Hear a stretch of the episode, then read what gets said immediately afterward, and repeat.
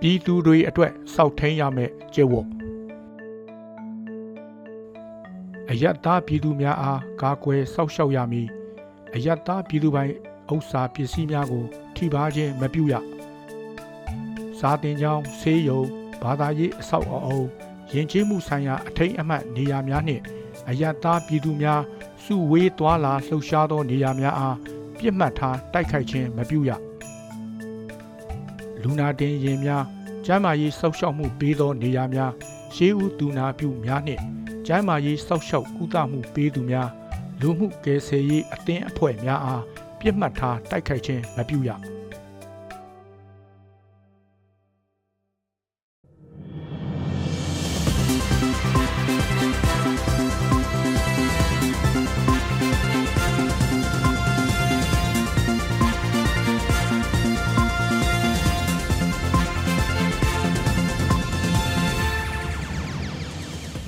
မင်္ဂလာပါခင်ဗျာ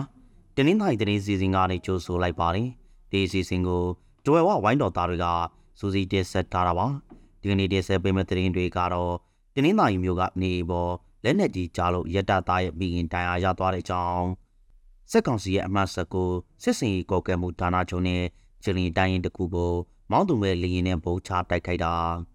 ဘလောကကျဲရွာသားတအူအတာခံရပြီးအခြားရွာသားတအူဖမ်းခံရတဲ့အကြောင်းပေါင်းရင် ရွှေနဲ့ဘာစီတက်ကြအခြေအနေစားတဲ့သတင်းတွေကိုနားဆင်ရမှာပါ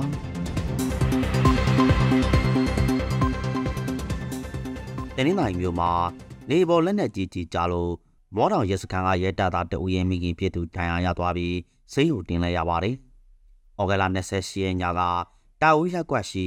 ရဲတပ်သားမိခင်ရဲ့နေပေါ်လက်နက်ကြီးကြီးကြားခဲ့တာပါ။ဒါပေမဲ့လက်နက်ကြီးကြီးကမပေါက်ကွဲပဲနေကထုံတန်းပြုတ်ကြပြီး နဖူးကိုရိုက်မိတဲ့တန်ရာပဲရှားသွားတယ်လို့ဆိုပါတယ်။ဩဂဲလာ29ရက်ညကလည်းတနင်္သာရီမြို့လေးသာတောင်ပေါ်ရှိစစ်ကောင်စီတပ်ကအလဲတောင်ရွာနဲ့ဘော်ဒီကန်ပါဝင်ပန်လောရွာဘက်ကိုလက်နက်ကြီးအကြိုက်ရ20လောက်ပစ်ခတ်ခဲ့ပြီးလက်နက်ငယ်တွေနဲ့လည်းပစ်ခတ်ခဲ့တယ်လို့ဆိုပါတယ်။အဲ့ဒီနေ့ကလည်းမြို့စုံရက်ကွက်ဖြစ်တဲ့တာဦးရက်ကွက်တဲ့ကိုလက်နက်ကြီးကြီးတုံးလုံးကြောက်ခဲ့တယ်လို့ပန်လောရွာမှာလည်းနေနှစ်ဆောင်ပြည့်စည်သွားပါတယ်။မော်ဘီနယ်ရင်းမြို့အခြေဆိုင်စက်ကောင်စီတိုင်းရင်တစ်ခုကို ဩဂတ်လ28ရက်နေ့မနက်ကမောင်းသူမဲ့လေရင်နဲ့ဗုံးချတိုက်ခိုက်ခဲ့ပါတယ်။မော်နဲ့တနင်္သာရီတော်လိုင်းအင်အားစုတွေရဲ့မိုးချိုးစစ်စေးအမှန်နှင့်ဖြင့်စက်ကောင်စီရဲ့အမှတ်19စစ်စင်ကော်ကဲမှုဌာနချုပ်နဲ့အမှတ်61ချင်းရင်တိုင်းရင်ကိုဗုံးချတိုက်ခိုက်ခဲ့တာပါ။အခုလိုဗုံးချတိုက်ခိုက်တာကြောင့်စက်ကောင်စီတပ်ဘက်ကထိခိုက်မှုချင်းတွေကိုတော့မသိရသေးဘူးလို့ဆိုပါတယ်။ဗုံးကျဲတိုက်ခိုက်အပြီးမှာတော့စက်ကောင်စီတပ်ဘက်ကလက်နက်ကြီးတွေနဲ့ပြန်လည်ပစ်ခတ်ခဲ့ပေမဲ့ပူပေါင်းတပ်ဖွဲ့တွေဘက်ကထိခိုက်မှုမရှိဘူးလို့ထုတ်ပြန်ထားပါတယ်။ ဒီလိုတိုက်ခိုက်ရမှာလေရင်သုံးအသုံးပြုခဲ့ပြီးရာသီဥတုတန်ကြောင့်တစီကတော့ပျက်စီးသွားတယ်လို့ဆိုပါတယ်။မော်နဲ့တနင်္သာရီတော်လိုင်းအင်အားစုတွေပူးပေါင်းပြီးလေကြောင်းစစ်စင်လွန်နေတာဟာအခုနှစ်ထဲမှာဆို၃ကြိမ်ရှိပြီဖြစ်ပါတယ်။ဘလော်မြို့နယ်ကကျဲရွာသားတဦးအသက်ခံရပြီးအော်တာရွာသားတဦးလည်းဖမ်းဆီးခံထားရပါတယ်။ကျဲရွာမှာနေတဲ့အသက်လေးစအရွယ်ဦးကျော်သူလွင်ဟာမီလောင်ချောင်းရွာမှာဩဂတ်လ26ရက်နေ့ကအသက်ခံရတာလို့ဆိုပါတယ်။ မီလောင်ချောင်းရွာရှိဦးလေးဒေါ်စာတဲ့ဦးတင်လင်းရဲ့ရောဘာချန်ကိုသွားချေလက်နက်ကိုက်တစုကပြစ်တက်သွားတာလို့ဆိုပါတယ်။ဦးကျော်သူလွင်အသက်ခံရပြီးနောက်မှာတော့မီလောင်ချောင်းရွာရှိဦးတင်လင်းရဲ့ခြံဝိုင်းထဲရှိရောဘာကိုတော့မိုက်ခံရုံနဲ့နေကိုလည်းအဲ့ဒီလက်နက်ကိုင်လူတစုကပဲမိုက်ခွဲပြီးရှုပ်ခဲ့တယ်လို့ဆိုပါတယ်။ရွာသားအချို့ကတော့ဦးတင်လွင်ဟာစစ်ကောင်စီတရင်ပေးဆိုပြီးပြောဆိုချပေမဲ့တိချာအတိမပြုနိုင်သေးပါဘူး။ဩဂဲလာ28ရက်နေ့ကလည်း အော်တာကျေးရွာသားတအုပ်ကိုလက်နက်ကိုင်အဖွဲ့တစ်ခုကဖမ်းဆီးခေါ်ဆောင်သွားပါတယ်။အဲ့ဒီရွာသားလည်းဒလန်လို့တရင်ထွက်နေပြီးဖားကီဖြစ်သူလည်းဒလန်ဆိုပြီးမနစ်ကတာခံနေရတယ်လို့ဆိုပါတယ်။မြန်မာပြည်စီတွေရောင်းနေတဲ့ထိုင်းနိုင်ငံပတရာမြို့ပေါ်က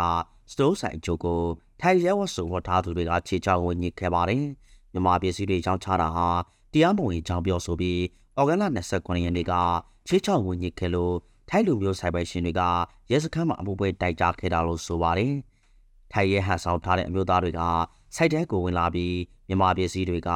FDA ခွင့်ပြုချက်မရှိလို့ရောင်းချခွင့်မရှိဘဲသိမ်းဆည်းမယ်လို့ပြောဆိုခဲ့တာပါ။အဲ့ဒီပစ္စည်းတွေကိုရောင်းချနေတယ်လို့စစ်ဆေးတွေ့ရှိရင်ဗတ်နှစ်သိန်းကနေသုံးသိန်းအထိတန်ဝေပေးဆောင်ရမယ်လို့ခြေချောက်ခဲ့တယ်လို့ဆိုပါတယ်။ဆက်ရှင်တွေကလည်းကြောက်လာပြီးဘတ်ဝေ2000နဲ့ညီနိုင်ခဲ့ရတယ်လို့ဆိုပါတယ်။ဘာကောက်ကနေငွေပေးပြီးနောက်မှာ လိမ်လည်ခံရတယ်လို့ယူဆပြီးရဲစခန်းမှာအမှုဖွင့်ခဲ့ကြတယ်လို့ဆိုပါတယ်။လက်ရှိမှာတော့ငွေတောင်းခဲ့သူတွေဟာရဲတပ်ဖွဲ့ဝင်အစဲဟိုမဟုတ်ဆက်လက်စုံစမ်းနေဆဲဖြစ်ပြီးဘဏ်အကောက်ကိုပိတ်သိမ်းထားတယ်လို့ထိုင်သတင်းတွေကဆိုပါတယ်။နောက်ဆုံးတစ်ပုဒ်အနေနဲ့ရွှေနဲ့ထိုင်းပါစီအတဲကြအခြေအနေကိုတင်ဆက်သွားပါမယ်။အပြောင်းလဲများနေတဲ့ရွှေစိတ်ဟာဒီနေ့မှလည်းတခြားသားကိုကျပ်9000စီတက်သွားပါတယ်။ တဝယ်ဈေးကွက်အတွင်းအခောက်ရွှေတခြားသားကို39သိန်း9000နဲ့ရောင်းချနေတာပါ။ထိုင်းပါစီလည်းတိတ်ပြနေပြီးထိုင်းငွေတစ်ပါးကိုကြက်တရာစောစောပေါက်စီရှိနေပါတယ်။